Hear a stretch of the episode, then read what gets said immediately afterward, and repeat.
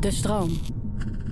Ik praat vandaag met Joost van Strien. En Joost is plantaardig akkerbouwer. En nou zou je denken, akkerbouw, dat is toch altijd plantaardig? Maar dat is dus niet zo, want er wordt bijna altijd uh, koeienmest gebruikt voor de, voor de akkerbouw. Dat is bij hem niet zo, daar heeft hij een hele theorie over. En uh, bij Joost is het no shit. Het is, we doen eigenlijk niks anders dan toen, alleen we slaan nu de koe over. En we laten de wormen de luzerne verteren. Wat is een mens zonder houvast in zijn manier van leven? En ieder heeft een handvat en eigen rituelen. Orde in je hoofd zodat alles te overzien is. We praten over routines. Echt intensieve veehouderij zoals we die nu kennen, ik denk dat die gaat verdwijnen. We praten over routines. Akkerbouw is dus niet altijd plantaardig, helemaal, of vegan. Nee, dat klopt. Dat, dat verbaasde mij toen ik het las. Ja, en uh, eigenlijk is dat de reactie van, uh, van de meeste mensen. Van uh, groenten zijn toch per definitie vegan. Er zit toch niks dierlijks aan. Ja. Maar bij de productie komen daar dus, zeker bij de productie van biologische groenten, komen, komt wel degelijk dierlijk input kijken. Waar zit dat dan? De mest. Ach, tuurlijk. Ja. Ja. Want in de biologische landbouw wordt natuurlijk geen kunstmest gebruikt. Nee. En dan is de enige manier nou ja, dat blijkt dus nu ook anders te kunnen, maar uh, is dan om die kunstmest uh, te vervangen door dierlijke mest. Uh, maar er is ook nog plantaardige mest. Dat maak jij? En dat gebruiken wij. Ja. ja. dat maken wij en gebruiken wij. Ja. Want wat is het precies, plantaardige mest? Wat moet ik me daarbij nou, voorstellen? Eigenlijk kan het van alles zijn. En, en, bovendien is mest ja, een heel breed begrip. Eigenlijk gaat het gewoon om plantenvoeding als je boer bent en uh, akkerbouwer bent, dan ja, wil je ervoor zorgen dat je planten optimaal groeien. Dus dat ze alle voedingsstoffen die ze nodig hebben uh, kunnen opnemen uit de bodem. Um, en daar, daar gebruik je meststoffen voor. Maar eigenlijk zijn die meststoffen een sluitpost, vind ik altijd, van wat er toch al in de bodem zit. En zeker als je een gezonde bodem hebt, dan vinden de planten het, het meeste wat ze nodig hebben al in die bodem. En om het laatste beetje, zeg maar, te optimaliseren, nou, dien je nog een beetje mest of in ons geval maaimeststoffen noemen we dat. Toe.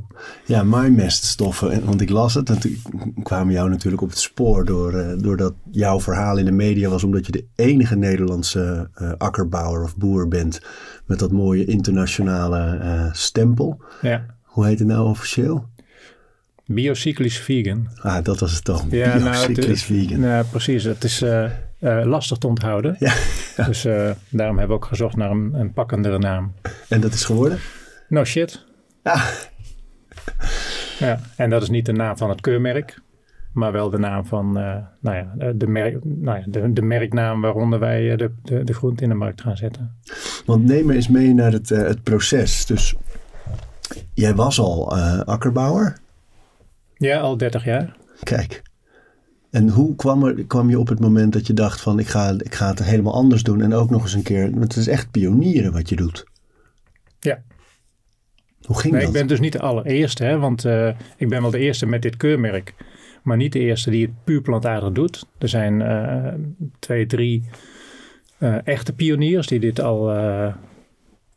Nou, nee, dat is niet helemaal waar. Ik ben 14 jaar geleden ben ik begonnen met experimenteren. En dat is ook de tijd dat die andere boeren daar een beetje mee begonnen zijn. Maar die zijn eerder volledig overgestapt. Ik ben pas twee jaar geleden volledig overgestapt op puur plantaardig. En waarom die 14 jaar geleden, waarom dacht jij toen al, dit wil ik anders doen?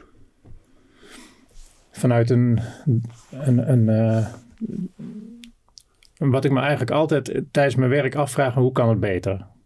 En beter is dan, ik kijk naar, naar wat, wat veroorzaken wij bij de productie van, van ons voedsel. Je hebt altijd een soort van negatieve impact. En hoe kun je die verkleinen? En dat was ook de reden dat ik biologisch ben gaan produceren. Uh, maar ook binnen de biologische methode kan het altijd nog beter super vermoeiend hoor, als je dat hebt. Maar, uh, maar ook mooi. Um, en 14, 15 jaar geleden was er een discussie binnen de biologische landbouw over gangbare mest. Uh, dus mest uit, uit de gangbare veehouderij. Dat mag nog steeds gebruikt worden in de biologische landbouw. En dat was toen nog veel meer dan nu. Gelukkig wordt dat langzaamaan afgebouwd. Maar er was toen een discussie van, ja, moeten we dat eigenlijk wel willen? Zijn we wel geloofwaardig als sector als we afhankelijk blijven van die gangbare mest? Want waarom is dat een probleem? Die gangbare mest. Um, in de gangbare veehouderij wordt anders geproduceerd. Er worden meer antibiotica gebruikt, wordt ander voer gebruikt. Uh, waardoor die mest ook anders is. Want het, die dieren eten het, poepen het uit. En daar zit dat, al die dingen zitten daarin natuurlijk dan. Ja. Dat is het. Ja. En dat gaat over restanten van antibiotica. Dat gaat over restanten van bestrijdingsmiddelen. En dat wil je, wil je niet in je bodem hebben. En daarom um, was die discussie zo fel. Want de, de ene uh, kant zei van ja, we hebben die mest gewoon nodig, want er zijn te weinig biologische veehouders om de biologische akkerbouw van mest te voorzien. En de andere kant, de andere, het andere kamp, zeg maar, waar ik in zat, zei van nou, we moeten daar gewoon vanaf, want het is ten eerste niet geloofwaardig en we hebben het ook niet nodig, want er zijn alternatieven. Oh ja, maar hoe dan? Uh, dus ik werd ook een beetje uitgedaagd van, uh, of wij werden uitgedaagd van hoe, hoe, hoe moet het dan zonder die gangbare mest? Nou ja, en zo zijn we langzaamaan een systeem gaan ontwikkelen. Waardoor we nu zelfs helemaal zonder dierlijke mest kunnen. Niet alleen zonder die gangbare, maar helemaal zonder dierlijke mest. En eerst even dat, nog dat andere van. Dus de gangbare mest. Dus eigenlijk is het zo dat de biologische groenten die wij eigenlijk kopen, omdat het schoner, uh, verser, echter allemaal is. Lekkerder lekkerder. Van smaak inderdaad ook echt. Maar, maar daar is dus wel, daar zitten al die, ja, die, die dingen die dieren eten en die eigenlijk niet zo goed voor ons zijn. Dus over het algemeen nog wel een beetje op en in. Of je het in de producten terugvindt, dat weet ik niet. Maar in de mest, zelfs in biologische mest, worden nog restanten van bestrijdingsmiddelen gevonden. En is dat het grootste deel van de biologische uh, groentemarkt, groente en fruit? Ja, 90% van de biolo 99% van de biologische groenten wordt met dierlijke mest bemest. En dat wil niet zeggen dat dat helemaal vol zit met, uh, dat die mest helemaal vol zit met rotzooi. Met rotzooi, met shit.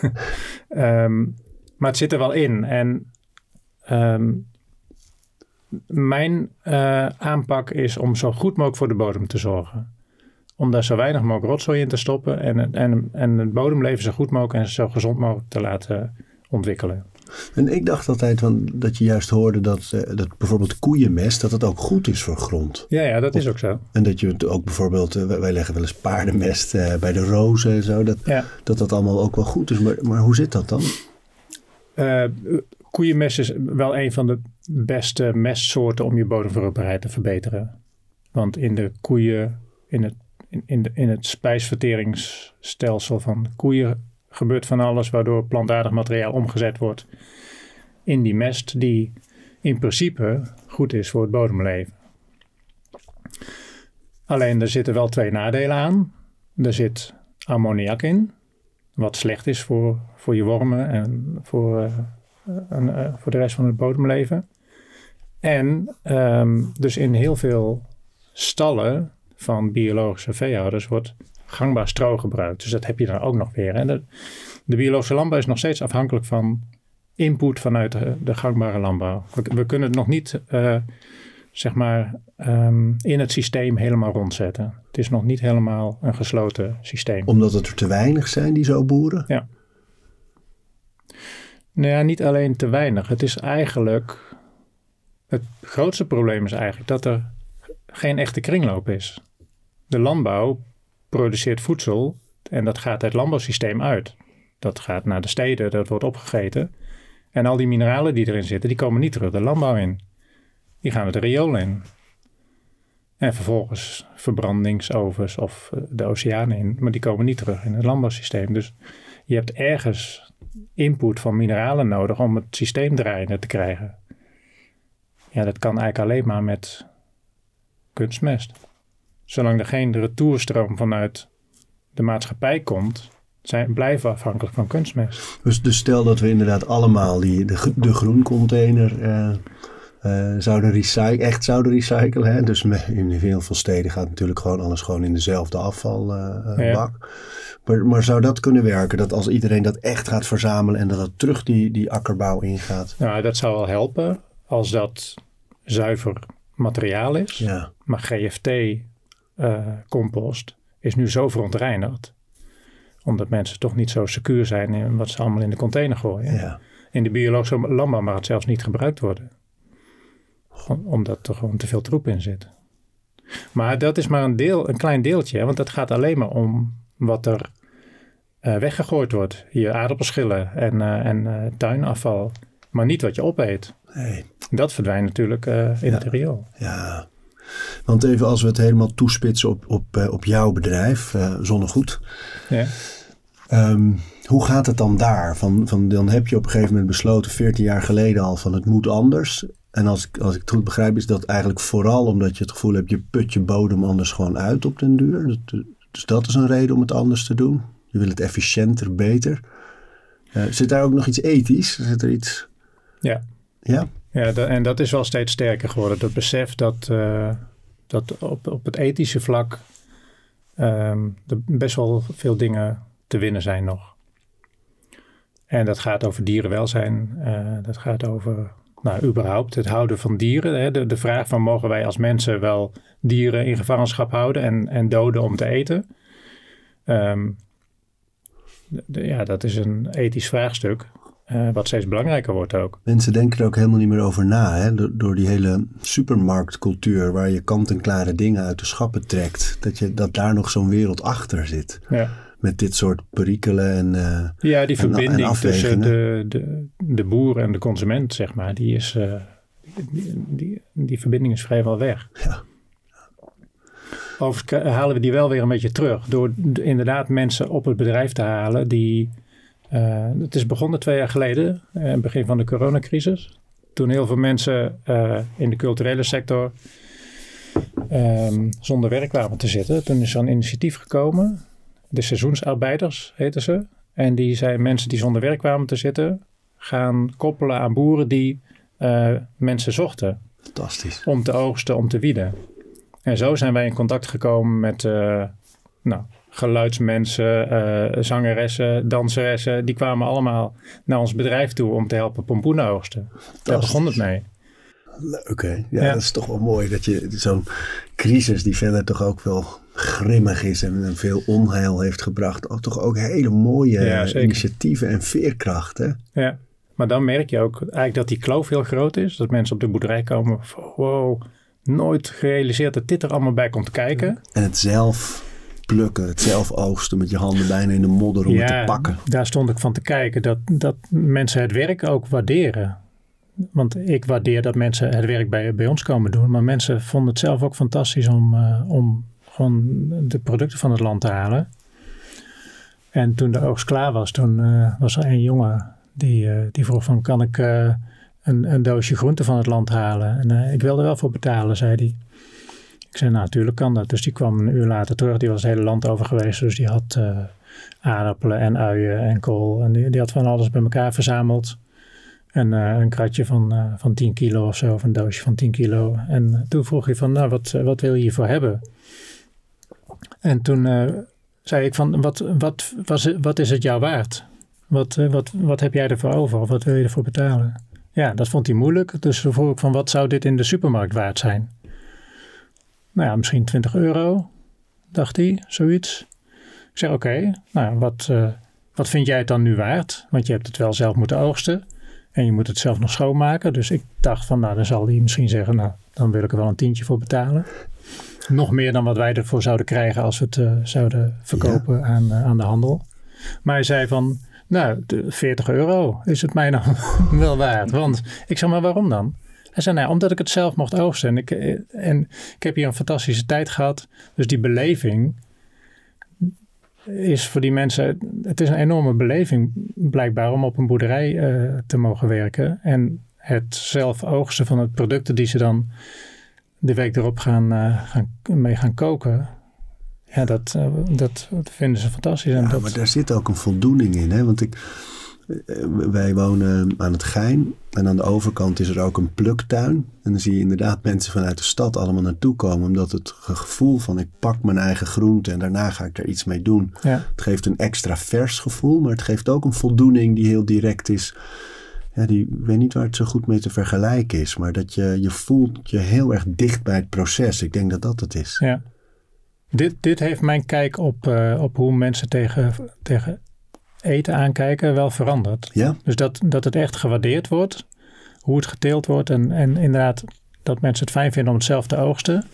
En ik zit er ook wel aan te denken, we zitten best ver, we zitten op een uur rijden van Amsterdam. Maar om daar toch iets mee te doen, om mensen uh, in de gelegenheid te stellen om zelf te komen oogsten. Dus we kunnen die, die, die groentepakketten kunnen we uh, opsturen via de post. Maar ik zit er ook wel aan te denken om mensen zelf hun, hun groentebox te laten oogsten. Ja man, want kunnen we als we op jouw dag toespitsen, hè? dat je, ik weet dat er enorm verschil is tussen akkerbouw en veeteelt wat, wat betreft de dagindeling. Um, maar komen we dan die processen een beetje tegen? Dat, dat wij, Steven en ik, straks ook met verbazing zitten van wow, dat zit er nog allemaal achter. We, we werken sowieso heel erg met de seizoenen natuurlijk als akkerbouwer. Ja. In de winter lig ik wel eens tot tien uur op bed. En in de zomer sta ik uh, wat eerder op. Wat is wat eerder? nou, um, soms is het nodig om echt vroeg op te staan. Vijf uur, zes uur. Maar dat is echt zelden. Dus meestal sta ik om zeven uur op en beginnen we om, uh, om acht uur. Dus dat valt allemaal best wel uh, mee. Dat zijn keurige tijden. Bijna kantoortijden. en dan? Wanneer ik opsta, wat ik, ja, ja. Wat, wat ik dan doe, um, dat is ook heel wisselend. Dat, uh, um, vanochtend ben ik opgestaan en ben ik onder de douche gaan staan. Ik douche tegenwoordig koud. Dus dan pak ik mijn tandenborstel, zo'n elektrische tandenborstel. En die, die uh, doet, uh, gaat na twee minuten gaat die, uh, uit. Weet je precies hoe lang dus je dan denk ik van oké, okay, ik wil in ieder geval twee minuten onder een koude douche gestaan hebben. Dus dat combineer ik dan. Um, dat was vanochtend, dat doe ik niet elke ochtend. Soms doe ik het s'avonds, soms doe ik het niet. Waarom ben je dat gaan doen? Um, ja, omdat ik er wel van overtuigd ben dat het, dat het gezond is. Ik heb een paar jaar geleden de Wim Hof methode leren kennen. Ik heb zijn boek gekocht. En uh, ik ben er nog maar net mee begonnen, een half jaar geleden of zo. Vorige zomer ben ik begonnen met koud, of niet, dat was niet eens koud water zwemmen, maar in ieder geval gewoon buiten zwemmen. En dat heb ik eigenlijk de hele, tot nu toe ben ik dat blijven doen. Dus ook in de winter ben ik gewoon, ik heb inmiddels mijn eigen uh, zwemvijver, of het is eigenlijk een pool. Uh, daar ben ik elke dag gaan zwemmen. Goh. En uh, nou ja, we hebben niet een strenge winter gehad, maar het is een paar keer voorgekomen dat ik wel even het ijs moest uh, uh, openbreken om erin te gaan. Dat zijn de mooiste dagen, hè? Ja. ja. ja. ja, dat is het mooie daarmee, denk ik, dat je inderdaad zo'n zo'n handelingen, dat je er ook echt tegenop kan zien wel een Ja. beetje. Maar daarna, joh. ja.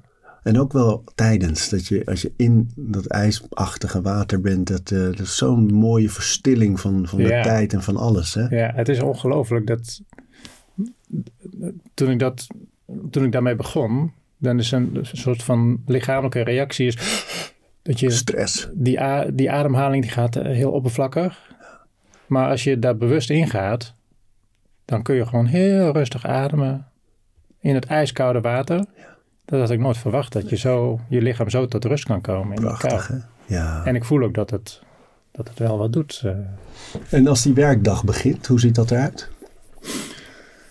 Eh, meestal ga ik eh, aan de keu- keukentafel zitten, ontbijtje. En dan, ik, het eerste wat ik doe is toch eh, wel even mijn laptop openklappen om te kijken of er mail is. Of ik nog iets moet beantwoorden. Overigens, mijn mobiel is ook zoiets. Hè? Dat is een, ja, ik wil daar zeker geen gewoonte of routine van maken, maar dat gebeurt gewoon. Ik pak ochtends dat ding en ik kijk van, hey, is er nog, eh, nog wat spannends eh, op social media of, eh, of in het nieuws? Ehm, dus dat zijn wel de eerste dingen die ik 's ochtends doe. Ja, moeilijk hè? Ja. En ook omdat je hem gebruikt voor zoveel andere dingen. Want het is ook bij jou vast je wekker. Ja. En, eh, en dan zit je er al eigenlijk. Ja. Die, eh, ik heb eh, nu eindelijk een, een, een wekker gekocht. Dus niet die, dat luchtalarmpje. Ja. die want vind ik verschrikkelijk. sowieso met kleine kinderen hoef je nooit een wekker te gebruiken. Alleen ehm, om niet meer die telefoon als wekker te gebruiken. Zodat het niet het eerste is wat ik in mijn handen heb als ik opsta. Dat, is, dat vond ik wel... eh, Ja. Maar daar heb ik jaren over gedaan. Ik had al jaren in mijn lijstje. Heb ik, heb zo'n lijstje in mijn telefoon. Gewoon in notities van de dingen die ik nog wil of moet doen. En eh, daar stond hij misschien wel, ja, ik denk wel bijna twee jaar lang op. Van wekker kopen. Goede Ja. wekker kopen. En eh, het gaat me dan meer om een, dat ik even weet hoe laat het is als ik opsta. of als ik wakker word. Soms is dat Zonder ineens- dat je op je telefoon hoeft te kijken. Ja, ja en ook dat ik niet als ik dan uit bed ga, dat ik dan die telefoon meeneem en dus al in mijn hand heb. En dan wordt de stap wel heel Ja. klein om inderdaad die wereld binnen te laten meteen al. Ja. Ja, Dat is wel een goeie. ja, overwegen waard. Ja. Maar en dan, de, en die mail, dat gaat je dan ook vooral om werkachtige dingen? Of is dat gewoon alles? Nee, werk eh, of werkgerelateerd. Eh sinds we een jaar geleden, dus bijna een jaar geleden, dat we de, de No Shit campagne eh, eh, eh, de wereld in hebben gebracht. Krijg ik best wel veel mailtjes van mensen die zeggen van wauw, wat, wat een goed initiatief. Waar kan ik de groente kopen? Ja, Ehm, en wat zeg je dan trouwens? Want, want, ehm, want voor, we hebben het nog niet, helemaal niet zo heel erg uitgelegd. Ehm, no shit is eigenlijk het hele initiatief van de totaal onbewerkte groenten, mag je het zo noemen, en fruit. Nou, no shit is eh, zeg maar de benaming van de groenten die geteeld worden in een systeem dat onafhankelijk is van productiedieren. Dat is Dus het mooi is, het is geen diervrije, diervrij systeem. Want we hebben wormen en we hebben bijen en we hebben vogels. Ja, Dus, tuurlijk. dus dat zeg ik altijd. Het is geen diervrij, maar vrij van productiedieren. Ja. Dus alleen vrije dieren, zeg ik altijd. Ehm, dus daar staat no shit voor. En kunnen mensen het al kopen? Dus de dingen die... eh, Eh, bijna. We zijn een webshop nu aan het eh, bouwen. Eigenlijk speciaal, nou niet speciaal, maar die vraag die komt nu steeds meer. En kijk, we hebben een vrij groot bedrijf. Hè? Dus wat we nu produceren, dat gaat via handelsbedrijven naar verwerkingsbedrijven, naar supermarkten. En dat komt anoniem ergens in, in de schappen in Duitsland te liggen. Nou, dat wil ik sowieso veranderen. Ik wil dat onze producten herkenbaar in de schappen komen. Maar nog liever zou ik zien dat een groot deel van onze producten rechtstreeks naar de consumenten gaat, die daar echt om vragen. En daarvoor zijn we dus een webshop aan het bouwen nu. Deze aflevering van Overroutines wordt aangeboden door Squarespace. Een alles-in-één platform waar je je eigen website kunt bouwen en beheren. Het maakt niet uit of je producten, diensten of je passie met de wereld wil delen. Het kan allemaal bij Squarespace. Ik noem even kort drie handige functies van het platform. Met het ontwerpsysteem kan je makkelijk je website vormgeven en het helemaal eigen maken. Squarespace analyseert hoe je website presteert en wat er voor nodig is om je bedrijf online verder te laten groeien. En ook kan je abonnementen en exclusieve content aanbieden aan betalende leden. Start nu je gratis proefperiode via squarespace.com slash overroutines. En ben je klaar om je website echt te lanceren? Gebruik dan de code overroutines. Dan krijg je 10% korting op je eerste aankoop van een website of domein. Mooi hoor. En hoe zou dat dan werken? Dus dan, dan, dan zit ik thuis en denk ik, eh, wat heb ik deze week allemaal aan groenten nodig? En dan kan ik dus eigenlijk op die webshop gewoon echt gewoon groenten kiezen. Wordt bezorgd of moet ik het afhalen? Nou, wat we nu ontwikkeld hebben zijn maaltijdboxen. ja. Dus eh, een, een vegan maaltijd met nou, onze groenten erin. En dan een recept erbij waar nog één of twee of soms drie ingrediënten op staan die mensen dan er nog bij kunnen kopen. Om een volledige maaltijd te maken. Dus die stellen we, stellen we samen, eh, die stellen we zelf samen, die boxen. Ehm, maar we willen eigenlijk ook eh, mensen wat meer de vrijheid geven om bijvoorbeeld 5 kilo, een doos van 5 kilo groente te kopen. Ja, Ehm, maar ja, wij hebben niet zo'n heel breed assortiment. We zijn geen tuinbouwbedrijf met 50 of 100 verschillende groenten. We hebben, we hebben acht, eh, acht gewassen. welke acht zijn dat? Eh, pompoenen, pastinaak, eh peen, aardappelen, uien, kool. Ik denk dat ik op meer dan acht kom. Tuinbonen hadden we afgelopen jaar. Wat vergeet ik dan nog? Rode bieten. En spelt, dat is geen... Luzerne, geen is dat... eh, nou, lucerne, dat is, eh, dat is eigenlijk de, de meststof. ah, die gebruik. Maar dat is, dat, dat, dus dat teel je dan niet? Dat telen we wel, maar het is, geen, het is niet voor humane voeding. Ah, Dus lucerne wordt normaal gesproken geteeld als veevoer. Ja, en dat heb ik ook altijd als veevoer aan een veehouder verkocht. En dan kreeg ik de mest weer terug. Ja, Maar die, eigenlijk, het is, we doen eigenlijk niks anders dan toen. Alleen we slaan nu de koe over. En we laten de wormen de luzerne verteren. Zo, zo simpel is het eigenlijk. Het bodemleven doet het werk wat in die, in die koeienmaag anders zou plaatsvinden. maar voordat we daar naar dat hele proces gaan, die, die acht gewassen, hoe bepaal je die eigenlijk? Van hoe bepaalt een akkerbouwer van deze dingen ga ik nou eens eh, op mijn land zetten? Nou, als akkerbouwer kijk je wel naar wat, wat is efficiënt te telen. Want we zijn eh, een grootschalig akkerbouwbedrijf wat eh, de meeste teelten gem- gemechaniseerd doet. Ehm, dus een aantal gewassen vallen dan af omdat daar gewoon te veel handwerk in zit. Dus de kleine groenten, eh, zoals sla en zo, dat, dat zou wel kunnen hoor. Maar dat, daar zijn wij niet op ingesteld. En dat is ook niet onze keuze om eh, een heel arbeidsintensief bedrijf te worden. Dus wij kiezen gewassen die echt akkerbouwmatig geteeld kunnen worden. Ehm, nou ja, en, en, en de grondsoort speelt mee. Wat, wat groeit goed op onze grond. Maar vooral ook waar is vraag naar. Die acht heb je. Die, dat is wat de mensen straks bij jullie kunnen, kunnen aanschaffen op no shit als de webshop er is. Ja. ja, we zijn wel bezig om ook in een toch een soort van groentetuin iets meer gewassen te telen die we ook op kleine schaal zeg maar in die boxen kunnen leveren. Dus de 10 hectare pompoenen, daarvan gaat misschien 1% in de boxen en 99% gaat naar de supermarkt. 10 hectare pompoenen. Ja, we hebben, we, we hebben van elk gewas hebben we 5 à 10 hectare. Zo, enorm bedrijf. Nou, ons akkerbouwbedrijf is wel groter dan gemiddeld. Maar een, een 10 hectare van één gewas. Ja, Is niet gek. Er zijn, er zijn bedrijven die 50, 60 hectare van één gewas hebben. Ja. In zo'n klein land blijft dat altijd ja, wonderlijk bijna. Hè? Dat, je, dat, dat we dat soort grote ruimtes hebben voor, eh, voor het eten. Ja, In zo'n klein, toch heel dicht bevolkt land. ja. Nou, het is wel grappig. Ik, eh, ik kom regelmatig in Amsterdam omdat mijn vriendin hier woont. En dan, als ik door de stad loop, dan realiseer ik me pas hoeveel monden er gevoed moeten worden. Terwijl als ik op mijn boerderij ben, dan kom ik 's ochtends alleen mijn twee collega's tegen. En voor de rest, eh, eh, op 93 hectare, eh, staan alleen maar wortels en aardappels te groeien. En dan denk je wel eens van, wie moet het allemaal opeten? Terwijl als je door de stad loopt, nou ja, en, dat is ook wat jij zegt, van een, een klein dichtbevolkt land, waar moet altijd voedsel vandaan komen. Maar nou ja, daar zijn we dus in Nederland wel goed in om Ja. veel voedsel te telen. Ja, joh. Ja. En ik heb het gevoel dat er dan ook wel, je zei net al, er spelen ook wel ethische overwegingen mee, maar dat het ook, het voelt heel erg als een missie waar je mee bezig bent.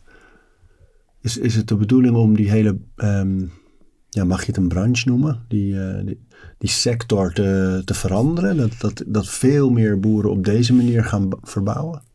Dat zou ik wel mooi vinden. Dat is niet per se eh, een missie. Ik wil het op, op mijn eigen bedrijf wil ik het gewoon zo goed mogelijk doen. En doen op een manier die, die, die bij mij past. Nou, wat bij mij past is wel dat ik kijk, nou, wat ik daar straks al zei, hoe kan het beter? Ehm, hoe kan ik produceren? Het liefst straks helemaal zonder negatieve input. Eh, negatieve impact. Maar ja, dat betekent ook dat, dat ik een, een trekker niet meer op diesel zal laten rijden. Dat we naar elektrische trekkers moeten of naar eh, biodiesel. Dus je hebt altijd wel. Dat is, nog, dat is nog heel ver weg. Maar we zijn al wel een hele stap, een aantal stappen hebben we gemaakt. We zijn inmiddels klimaatpositief aan het produceren. Dus we leggen meer CO2 vast dan dat we uitstoten. En de biodiversiteit, dat is ook een belangrijk probleem. Hè? Dat eh, de biodiversiteit in Nederland, maar eigenlijk in de hele wereld, gewoon heel sterk achteruit gaat. Op ons bedrijf zien we dat dat, dat weer toeneemt. De bodem wordt levendiger, we zien steeds meer insecten en vogels. Dus het heeft gewoon effect, de manier waarop wij dat doen. En als je het hele eh, terrein, het hele land eigenlijk zo bekijkt van, van jullie, eh, van jouw boerderij. Hoe is dat dan ingedeeld? Dus je hebt de gewassen die je nodig hebt, maar je hebt dus ook de gewassen die je gaat gebruiken als wat ik dan toch maar even mest noem. Ja. Hoe, hoe is dat allemaal ingedeeld? Ehm, we hebben, ik, ik, ik zei voor het gemak dat we acht gewassen telen, maar eigenlijk hebben we een achtjarige rotatie. Dus op elk perceel komt pas na acht jaar weer hetzelfde gewas. Dus we, we roleren met de gewassen. En dat doen we op zo'n manier dat we telkens een gewas wat goed is voor de bodem afwisselen met een gewas wat van de bodem vraagt. Zoals aardappelen, wortelen. Die vragen meer van de bodem dan dat ze teruggeven. Nou, en dat wisselen we dus af. En welke gewassen geven terug? Luzerne, uh, granen, uh, dat noemen wij de rustgewassen. Die laten ten eerste, of tijdens die teelt wordt de bodem niet bewerkt. Die, die, de bodem blijft in rust. En vooral luzerne, of ik zeg luzerne, maar het is eigenlijk een heel mengsel van klavers en kruiden en luzerne. Die binden stikstof uit de lucht. Dat is, dat is eigenlijk het belangrijkste van het, ons hele systeem. Dus wij hebben helemaal geen stikstof meer nodig van buiten. Wij zijn zelfvoorzienend qua stikstof. Dat wordt door bacteriën die samen leven met die luzerne, wordt het uit de lucht gehaald. 80% van de lucht die we inademen is stikstof. Hè? Ja. Um, dus er, is nooit een, er hoeft nooit een tekort aan stikstof te zijn. Terwijl boeren altijd op zoek zijn naar hoe kom ik aan voldoende mest om mijn planten van stikstof te voorzien. Nou, dat kun je op je eigen bedrijf kun je dat gewoon organiseren. Door die luzerne, vlinderbloemige, uh, dat is de algemene term, te telen. Dus die wisselen we af met pompoenen, aardappelen, peen. Mooi man, dat het zo werkt. En ook dat het dan die bacteriën en de, de, eigenlijk de dieren die in, in en rond de gewassen leven, dat die nodig zijn ook ervoor. Ja, zeker. Ja. Het is allemaal zo... Uh, ja, ik heb het gevoel dat er een tijd aangebroken is dat, dat, dat mensen daar ook weer veel meer mee bezig zijn met hoe dat allemaal zit. Ja. We hadden in deze serie Casper van der Meulen en die, dat is een, uh, ja, een, eigenlijk een ademexpert. Maar die was altijd helemaal plant-based, helemaal vegan. En die is daar afgestapt omdat hij ineens dacht, ja, maar voor al die uh, plantaardige uh, alternatieven worden hele biotopen weggevaagd. En om daar een koe neer te zetten, terwijl al dat grondleven dan ook uh, sterft. Dus welk leven is belangrijker van welk dier? De koe of al, of al de wormen en de bacteriën en de, en de muizen en, en, alle andere dieren die daar leefden. En dat was zijn motivatie eigenlijk om terug te stappen naar af en toe vlees eten. Ja. En, uh, maar maar je ik heb echt het gevoel dat veel meer mensen zich bewust zijn van al die processen daarachter. En ook echt wel, wat dat betreft, boer je wel echt op de tijd. Voelt dat ook ja, zo? Ja, ja, dat denk ik wel. Ja.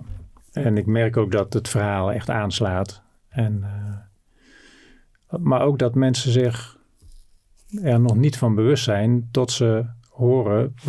Bijvoorbeeld mensen die bewust kiezen voor een volledig veganistisch uh, eetpatroon vanuit een motivatie van wij willen niet bijdragen aan, uh, aan dierenleed, aan uh, het houden van dieren. Um, dat er bij die productie van die groenten dus toch nog dieren, productiedieren komen kijken, omdat daar mest van nodig is. Dat realiseren ze zich niet. En op het moment dat, dat wij dat vertellen, dan hebben we zoiets van, oh shit, dat hadden we ons nooit gerealiseerd. Um, dus het is ook een kwestie van bewustwording. Ja, ja, ja, en ik heb het gevoel dat een deel van de mensen die volledig plantaardig proberen te leven, um, het ook gaat om het doden van dieren. Dus die, als dat niet gebeurt, uh, dan kunnen ze ermee leven. Ja. Eigenlijk. En dat zou dan in dit geval nog net de goede kant van het verhaal zijn van oké, okay, uh, voor de mest hoeven ze niet te sterven, ook al leven ze in gevangenschap. Uh, dat ze dat op die manier nog wel zouden, zouden verantwoorden van nou, dan, dan kan het nog. Ja, maar uiteindelijk worden die dieren die, die, die, die mest geproduceerd hebben wel doodgemaakt. Ja, uiteindelijk. Ja, het is een kwestie van tijd. Ja. En zelf, uh, eet je zelf volledig plantaardig? Nee. Niet? Nee, Nee. Ja. Wat is je theorie? Ik heb niet echt een theorie. Ik, uh, ik, ben, ik ben een gewoontedier. En ik, uh, ik ben uh, nog maar drie jaar geleden denk ik vegetariër geworden. En um, ik ga wel steeds meer kijken naar, zijn er plantaardige alternatieven? Maar gebakken eitjes 's ochtends op mijn, bij mijn ontbijt, dat eh, kan ik niet laten staan. En daar heb ik ook nog geen alternatief voor gevonden. Ah ja, dat is niet waar trouwens. Je kunt natuurlijk hartstikke lekkere dingen maken zonder eieren. Dat, dat is helemaal waar. Ehm, maar ja, wat ik zeg, het is een gewoonte. Ja. En, eh, en het is gewoon lekker. En, eh, eh, wij- overigens, wij, wij worden vegan boeren genoemd, hè? Ja. Om- omdat wij het helemaal puur plantaardig doen. Eh, maar dat wil niet zeggen dat ik een landbouw voorsta die helemaal vrij is van vee. Er zal altijd vee blijven, maar wel op een heel andere manier dan nu. De intensieve veehouderij, dat, ja, die, die moet echt radicaal veranderen. Of eigenlijk. De echt intensieve veehouderij zoals we die nu kennen. Ik, ik, ik denk dat die gaat verdwijnen. Ja, dan heb je het echt over die bio-industrie. hè? Ja. Die massale plekken waar ze allemaal op elkaar gepakt met, Ja. en volgepompt worden met rotzooi. Ja, dus het zal veel diervriendelijker worden en veel meer grondgebonden. Dus niet met heel veel dieren in een stal en, eh, en het voer uit Zuid-Amerika halen. Maar het grondgebonden betekent dan dat er in de, in de regio of op hetzelfde bedrijf het voer wordt geproduceerd voor de dieren die daar eh, leven. Ehm, dus dat zal een heel andere landbouw worden. Want nu komt er heel veel mest juist uit die grootschalige veebedrijven die gevoerd worden met voer van ver weg. Ja. Zo wordt eigenlijk de Nederlandse landbouw van mineralen voorzien hè, door veevoer uit, eh, uit Zuid-Amerika en door, en door kunstmestinput. Zo halen we onze mineralen in het systeem. Zonde eigenlijk, hè?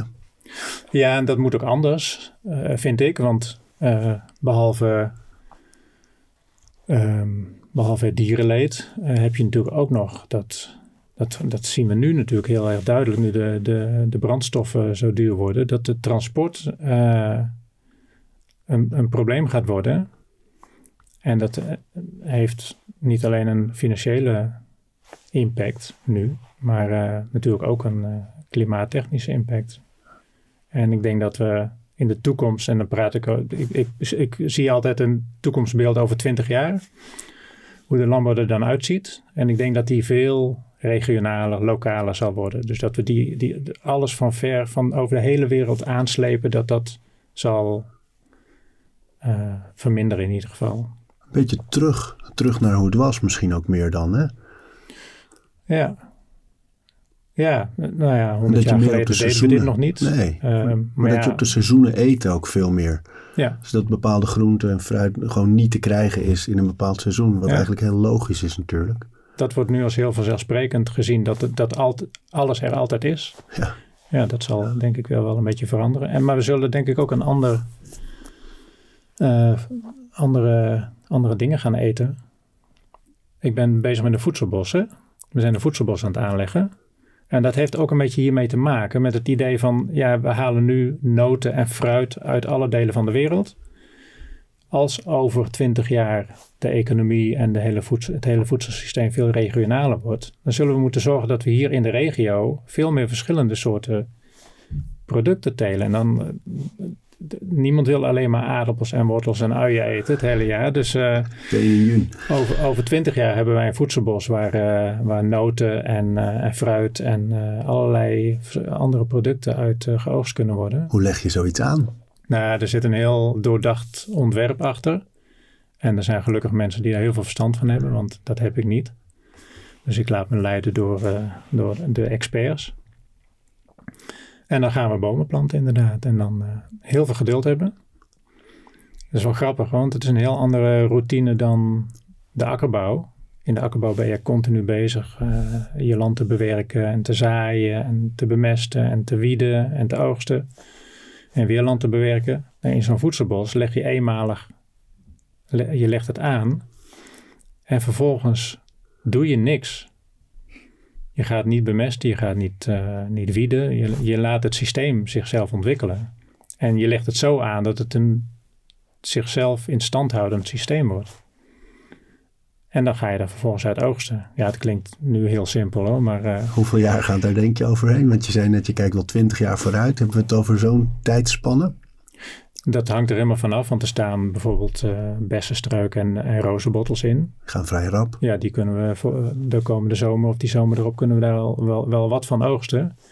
Maar de walnoten of de um, kastanjes, tamme kastanjes, ja, dat kan wel 15 jaar duren. Heerlijk om zo ook mee, mee bezig te zijn. Ja, het is wel, wel grappig. En uh, je hebt steeds dat beeld voor me wat je net schetste, dat je op dat enorme landgoed met twee collega's. Dus er zijn hele delen van de dag dat je even niemand tegenkomt waarschijnlijk. Ja. Is het ook, heeft, heeft je werk ook iets meditatiefs? Als je zo met grond en met gewassen bezig bent. In eenzaamheid toch ook vaak. Ja. Heeft het iets meditatiefs? Ja, het is, ik, ik ervaar het niet als eenzaamheid, maar wel als... Ja, je bent, ik ben wel vaak alleen. Ja, ik vind het ook anders, heerlijk ja. hoor, om, om alleen over het land te lopen of, of uh, over het land te rijden. Met, uh, want dat, dat is wel een soort van repeterende handeling. Het land bewerken bijvoorbeeld, wat ik uh, afgelopen week nog veel gedaan heb. Ja, dan ben je gewoon een hele dag rondjes aan het rijden met je trekker. en uh, soms heb ik de radio wel aan, maar soms zet ik hem ook uit. En dan is het. Uh, en dan zie je op een gegeven moment ook de meeuwen komen en de spreeuwen. En die, die, want als je grond bewerkt, dan komen daar, komt het leven allemaal even aan de oppervlakte. En dus je voelt je helemaal niet eenzaam, want je hebt een hoop leven om je heen. Dat is wel, wel heel fijn. En ja, ook wel een soort van meditatief inderdaad. Je hoeft even nergens aan te denken. Je bent gewoon dit aan het doen en dat is het dan. En het zit zo dicht op echt leven. Dat vind ik zo mooi eraan, aan, aan dat beeld. En inderdaad, eenzaamheid is niet het juiste woord. Het is meer de, ja, bijna een soort gekozen rust. Uh, zonder alle afleidingen, ruis. En, uh, ja. Maar heel erg echt op waar het leven ja, wat het leven is eigenlijk. Van waar dingen ontstaan en waar de mensen en dieren elkaar raken en de gewassen. Ja. En dan ook nog met iets dat ons voedt om in leven te blijven. Dat is allemaal zo, het voelt zo, het voelt heel primair. Ja, maar het is echt, voor mij is het maar een, toch maar een aspect. Want Ja? het echte leven gaat ook om interactie met andere mensen. Juist daarom eigenlijk. Dat, ja, dat, dat voelt voor mij dan meer als leven. Ehm, maar ik probeer wel die balans een beetje te, te zoeken daarin. En daarom is het ook zo fijn. Het is afgelopen jaar ontzettend hectisch geweest met, met die nieuwe ontwikkelingen, waar heel veel mensen eh, geïnteresseerd in zijn. En waar, waarbij ik ook het gevoel heb, ja, ik moet hier wel iets mee. Ik ga niet alleen maar produceren. Ik wil ook wel het verhaal vertellen en ehm, ja, zorgen dat, wat ik net zei, die producten herkenbaar in de, in de schappen komen te liggen. Dus dat, dat is een heel andere tak van sport dan het, het telen van gewassen. Ja, Maar een- wel een, een heel interessante combinatie. Ehm, waar het wel de kunst is om de balans een beetje te, te behouden. Want het is ook wel stressvol om met dat soort nieuwe dingen bezig te zijn. En eh, ja, in situaties terecht te komen waar je nog nooit in gezeten hebt. zoals? Ehm, gisteren was ik op de, op de Zuidas eh, voor een nominatiebijeenkomst van de Koning Willem I-prijs. En dan, ik had me wel netjes aangekleed hoor. Mijn, mijn allernetste pak had ik uit de kast gehaald, maar dan voel ik me nog underdressed in, in zo'n situatie. En, ehm, ehm, maar nee, maar dat is maar een heel klein voorbeeldje. Maar ik ben natuurlijk helemaal niet gewend om iets met marketing te doen of zo. Of, eh, en, en dat zijn dingen waar ik nu allemaal over aan het nadenken ben. Van hoe kan ik dat gebruiken om, om het verhaal te vertellen? En, eh, maar ook om te zorgen dat, eh, dat dit gaat groeien. Want wij hebben 93 hectare. En dat is maar een heel klein deeltje van de Nederlandse landbouw. En ook van de biologische landbouw. Maar inmiddels zijn er steeds meer boeren die zeggen van... hé, hey, dit is wel interessant, hier willen we ook iets mee. Dus ik hoop daar ben ik ook mee bezig om ook niet alleen naar consumenten toe het verhaal te vertellen, maar ook naar collega boeren. Ehm, om, om dit systeem van puur plantaardige productie te laten groeien. Ben jij zelf eigenlijk opgegroeid in een boerengezin? Ja. Ja? Ja, ehm, op een akkerbouwbedrijf. Ehm, geboren in Brabant. En toen ik vijf was, eh, met mijn ouders naar eh, Flevoland, naar de Noordoostpolder verhuisd. daar konden mijn ouders een, eh, een heel mooi modern bedrijf pachten. En daar ben ik altijd uh, opgegroeid. En ehm, nou ja, ook wel lang gedacht dat ik boer wilde worden. Maar dat heb ik op een gegeven moment heb ik gezegd van, nou, voor mij hoeft het eigenlijk niet. Er zijn zoveel andere leuke dingen toen ik ben gaan studeren in Groningen. En het studentenleven een beetje leerde kennen. Toen, toen dacht ik van, nou, die boerderij van mijn vader, van mijn ouders, nee, die hoef ik niet per se over te nemen. En Vonden ze dat moeilijk? Nee, dat, dat, uh, ik had nog, uh, nog twee broers die graag boer wilden ah. worden. Dus mijn vader vond het eigenlijk wel prima dat er in ieder geval eentje van die drie zei van, voor mij hoeft het niet. En die broers uh, die ook in de akkerbouw zitten, hoe kijken die dan tegen jouw bedrijf aan? Nou, ze vinden het interessant, alleen het is niet iets voor hun. Nee? Nee. Hoe vind je dat? Ja, prima. Ja, toch? Het is niet bij jou iets missionairs bijna dat je denkt van nee, maar dit is nu de weg, jongens, kom op. Het kan ook anders. Nee, nee, niet naar mijn broers toe. Nee. Wel naar de boeren in het algemeen. Nou, niet in het algemeen. Ik bedoel, ik, ik, ik, hoop dat ik met wat ik doe mensen inspireer. Maar ik ga, ik ga niet. Eh, ja, het moet wel inspiratie blijven. Niet, eh, niet ehm, een dogma of zo van jongens, uh, we moeten met z'n allen hierheen. dit, dit is één van de, de richtingen waarin je kunt ontwikkelen. Ja, het is grappig. Hè? Toen ik het, het las, het, uh, een artikel dat ik tegenkwam over jou en jouw manier van, van boeren, dacht ik juist wel heel erg van ja, dit is natuurlijk ook de toekomst. Van we ontkomen er niet aan. Je kan die grond niet blijven uitputten. En je kan niet dieren blijven uitputten. En mhm. op die manier uh, dus zo voelt het ook voor mij, voelt jouw verhaal heel erg als van hier gaat het naartoe. En je bent een van de eerste die het op die manier echt kan ook. Ja, ja dat denk ik ook. Daar, daar ben ik eigenlijk wel van overtuigd dat het, dat het hierheen gaat. Maar er zijn nog wel andere manieren ook om het, om het duurzaam te doen natuurlijk. Het hoeft ook niet volledig zonder, uh, zonder dierlijke mest op alle bedrijven. Dat is wat ik net zei. Er zal ook veehouderij blijven bestaan. En, um, maar goed, wij hebben hiervoor gekozen. Ook wel een beetje omdat ik me uitgedaagd voelde om te laten zien dat het kan.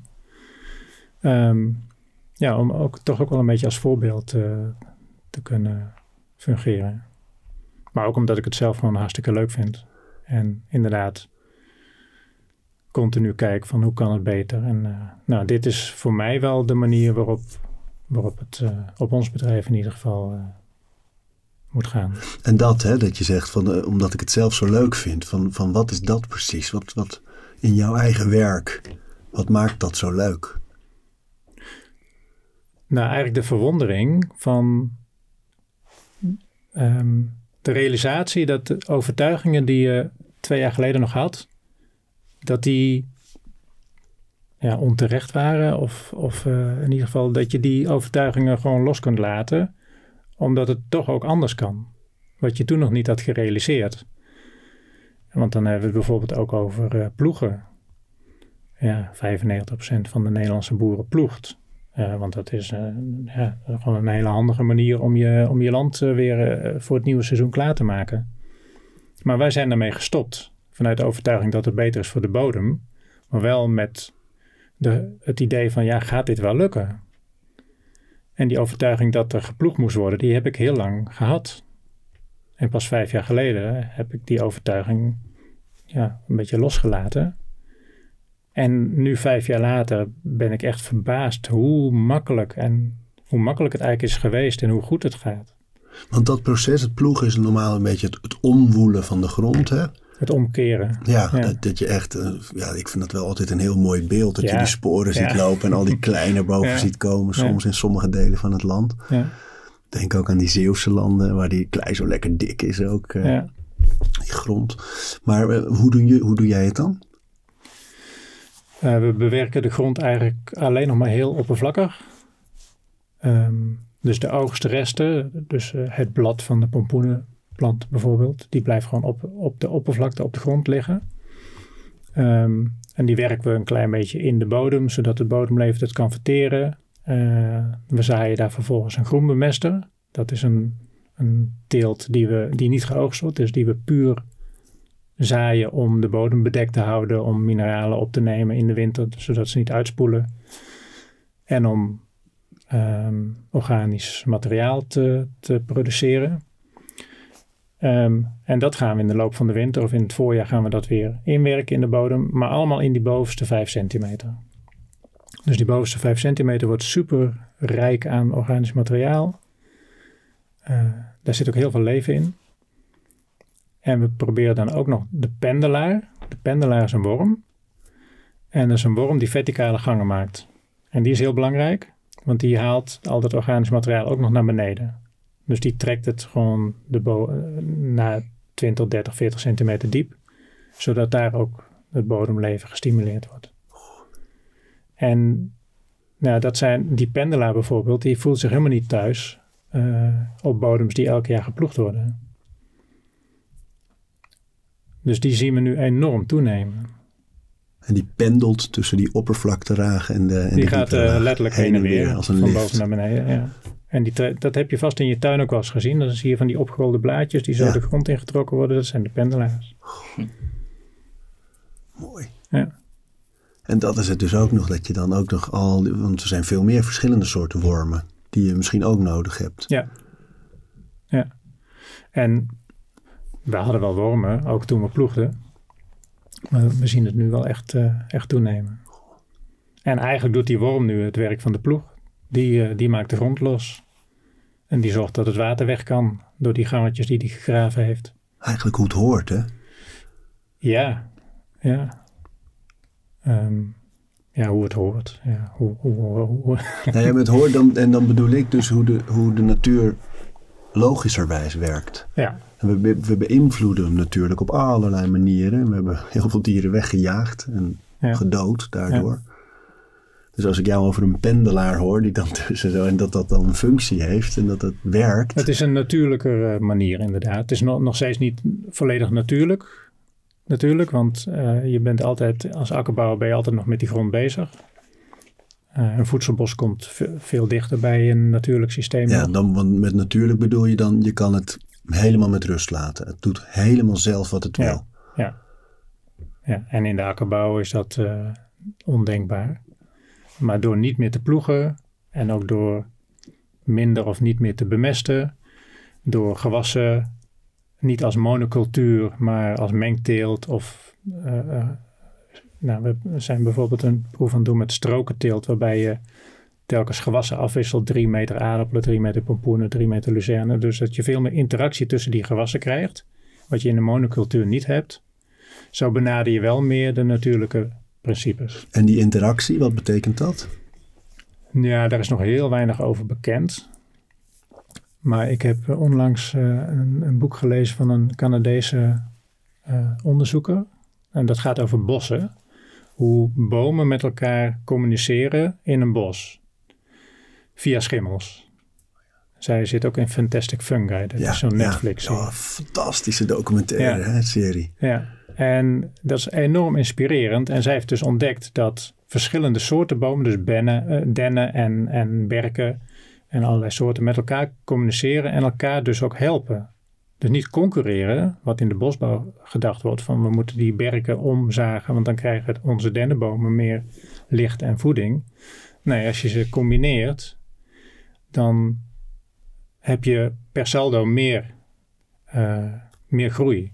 Want ze helpen elkaar. In een slechte tijd geeft die berk, in een, voor, voor een den een slechte tijd, geeft die berk voedingsstoffen af aan die den. En dat doet hij niet om die den te helpen, om zichzelf. Het, het, is echt een synergie. Want in een andere tijd heeft hij die den weer nodig.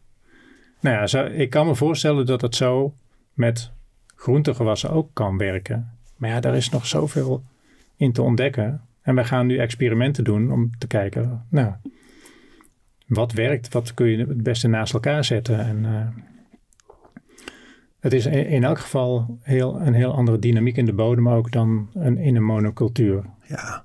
En ook minder risicovol. Want als er in, in, een mono, in, in 10 hectare aardappelen één plant ziek wordt, ja, die kan zich onbelemmerd verspreiden door het hele perceel. Ja, mooi. Ja, het is zo leuk. Die, uh, ik merk het in kleine dingen bij ons op het uh, terrein ook. Dat je als je bijvoorbeeld houtsnippers hebt gestrooid in een bepaald seizoen en je laat ze liggen en er komt weer gras overheen, dan komt een heel ander gewas eigenlijk daar dan bovenop. En, uh, maar, maar, maar, ik vroeg me nog, ik dacht als, als ik je heb, ga ik je ook een beetje gebruiken om ons eigen, we hebben dan een kleine moestuin. En is het daar net zo belangrijk om af te wisselen in de, in, in de groentes? Ja. Dus die raakt ook uitgeput waarschijnlijk als je elk jaar weer boerenkool en elk jaar weer spinazie en Ja. elk jaar weer courgette. Ja. Hoe kan ik daar het beste mee omgaan? Ja, ook een, eh, een, eh, rotatieschema toepassen. Als je tuin daar groot genoeg voor is. Wanneer is die groot genoeg? Oh ja, je kunt eh, bij wijze van spreken met 10 vierkante meter, dat kun je al in, eh, in zes of eh, vijf delen splitsen. En, en elk veldje per veldje roleren, zeg maar. En dan op diezelfde manier als wat jij net zei: van je hebt bepaalde gewassen die trekken vooral uit de grond en gewassen die geven vooral. Ja. Aan de andere kant, ehm, ik noemde net strokenteelt. Maar er is nu een, een, systeem dat nog verder gaat. Dat noemen ze pixelteelt. Waarbij per vierkante meter weer een ander gewas staat. En dan ga je niet meer roleren. Dan, dan ga je eigenlijk uit van een balans in het systeem. Waarbij het eigenlijk niet uitmaakt. eh, omdat Kijk, je roleert om te voorkomen dat er bodemgebonden ziektes eh, groeien in de bodem, zeg maar, waardoor ze het jaar erop datzelfde gewas, bijvoorbeeld aardappelen, kunnen aantasten. En als je dat een jaar daarna weer doet, dan zo'n populatie groeit en groeit. Want die heeft alleen die aardappelen maar. Ehm, waardoor op een gegeven moment die aardappelen zo ziek worden dat ze daar niet meer willen groeien op dat stuk. Daarom roleren we. Maar ook om af te wisselen tussen inderdaad rustgewassen en, eh, en vragende gewassen. Maar ja, jij gaat in je groentetuin niet met een, eh, een, zware rooimachine eh, je aardappel uit de grond halen. Nee. Dus je- in een groentetuin heb je ook minder herstel Ja. nodig. Omdat je daar niet, eh, je bodem wordt nauwelijks verdicht, denk ik. En als je de stukjes dus klein houdt. Dus ja, mijn vrouw heeft echt groene vingers. Die, eh, we hebben de hele zomer, vorige zomer, echt mooie grote courgettes kunnen eten. Ik eet nu nog steeds de boerenkool. Lekker met die nachtvorst eroverheen. Eh, rucola. Maar omdat het kleine stukjes zijn, zou je het eigenlijk gewoon zo kunnen laten. Dus die kan gewoon elk seizoen weer op dezelfde plek. Die courgette en elk seizoen op dezelfde Ja, plek. ik zou het niet per se op dezelfde plek zetten. Ik zou het dan toch een beetje random eh, of, of bewust roleren. Maar als je elk, elk jaar die courgette op de... Ja, waarom zou je dat ook doen? Ja, ik weet niet of dat hij daar groeit. Omdat hij daar staat. Nou ja, dat is het wa- wat mij in jouw verhaal ineens opvalt. Dus ik denk dat het inderdaad logisch is om te roleren. Terwijl ik denk, in dit deel van de tuin is de courgette en daar de bloemkool en daar de boerenkool. En, daar, en Ja. dat dat gewoon hun vaste plekje is. Zoals bomen ook op een vaste plek staan. Maar dat is dus niet zo. Nou ja, d- dat is niet hoe we er in de landbouw mee omgaan. Door schade en schande wijs geworden. Ehm, maar in de natuur eh, wordt er ook niet gerouleerd. Ja, daar is natuurlijk wel sprake van eh, successie. Ik bedoel, eh, de planten die nu in mijn voedselbos staan in aanleg, die staan er over tien jaar niet meer. Dan, dan heeft het door de successie zijn er andere planten gekomen, omdat de bodem verandert, omdat er schaduw komt. Ehm, dus zo heeft gebeurt er in de natuur natuurlijk ook van alles. Ehm, maar ja, in je groentetuin ben jij degene die bepaalt wat waar komt. Dat laat je ook de natuur niet bepalen. Ehm, maar ja, ehm, ik heb eh, nooit, een, nooit succesvol een groentetuin gehad. Het is gewoon te klein voor jou. Dus eh, ja, misschien ben ik dan toch de verkeerde persoon om dit, eh, deze vraag te beantwoorden. Nou, het moet gewoon groter. We hebben nog wel wat ruimte. Maar het is wel, ik moet wel zeggen dat ik dat een van de leukste, want wij woonden daarvoor altijd in de stad. Een van de leukste dingen vind in het, naar het buitengebied verhuizen, is dat de kinderen ook zo vanzelfsprekend echt opgroeien met dat, dat eten uit de natuur komt. Dus dat waar het best wel moeilijk is om kinderen te laten wennen aan het eten van groenten, over het Mhm. algemeen. En ook zeker bij ons. Maar dat dan bijvoorbeeld dat wel als er dan mensen kwamen en ze zeiden: Kijk, hier zijn de courgettes of hier. En dan plukten ze een paar stukjes van de rucola af. En die eh, gaven Ja. ze dan aan mensen om even te proeven en zo. Ja. Of ze plukten tomaatjes en aten ze direct op hun wortels. Ja. Gewoon recht uit de grond. Beetje zand er nog op, lekker. En eh, dat vond ik zo mooi dat ik ineens dacht: oh ja, maar zo is het logisch. Want vinden ze het leuk. Ze hebben het zelf geplant in sommige gevallen. Dus dan eten ze het ook makkelijker. Ja. Daar, daar zit heel veel waarde in. Ja, en dan heb je die verbinding waar we het in het begin over hadden, heb je dan weer terug eigenlijk. Hè? ja. Van, van wat je eet, waar het, waar het vandaan komt, hoe het groeit. Ja. ja. Hey, en het eh, no shit is dus een, een, eigenlijk een werk, work in progress. Hè? Het, Ja. het, het komt eraan. En het idee daarachter is, er komt een webshop waarbij wij als consumenten rechtstreeks de echt, echt mooi schone groenten en fruit op een gegeven moment eh, kunnen kopen. Dat is het idee. Ook dat het in de supermarkt komt met no shit. Ja, En waar kunnen mensen nu eh, eh, de informatie vinden als ze benieuwd zijn? Op noshitfood.nl. noshitfood.nl. Ja, en ook dat is nog een, eh, een website in ontwikkeling. Maar ehm, daar is al de nodige informatie te vinden. Ook op onze eigen website eh zonnegoed.nl. of dat is de website van onze boerderij. Ja, dat- want zo heet ook het hele landgoed eigenlijk zonnegoed. Hè? Ja. eh, Ja. Is, ja, kom graag nog eens kijken. Ja, leuk. Ja, je bent welkom. Ja, Ja, leuk man. ja Mooi joh. Dankjewel. Graag gedaan. Jij ook bedankt. Ja. Leuk gesprek. We praten over routines. Dankjewel voor het luisteren. En voordat je weer doorgaat naar andere dingen, wil ik je nog even wijzen op Over Inspiratie. Dat is het mailtje dat ik elke donderdag rondstuur met drie tips. Dingen waar ik zelf veel aan gehad heb. Het kunnen producten zijn, artikelen die ik gevonden heb online, onderzoeken, Instagram-accounts, podcasts, boeken, van alles eigenlijk. En ik denk dat je daar zelf ook veel aan kunt hebben. Dus vind je het leuk om dat mailtje elke week te ontvangen? Dan kun je je opgeven op ariboomsma.nl onderaan de pagina. Dan krijg je voortaan elke donderdag in je mailbox over inspiratie.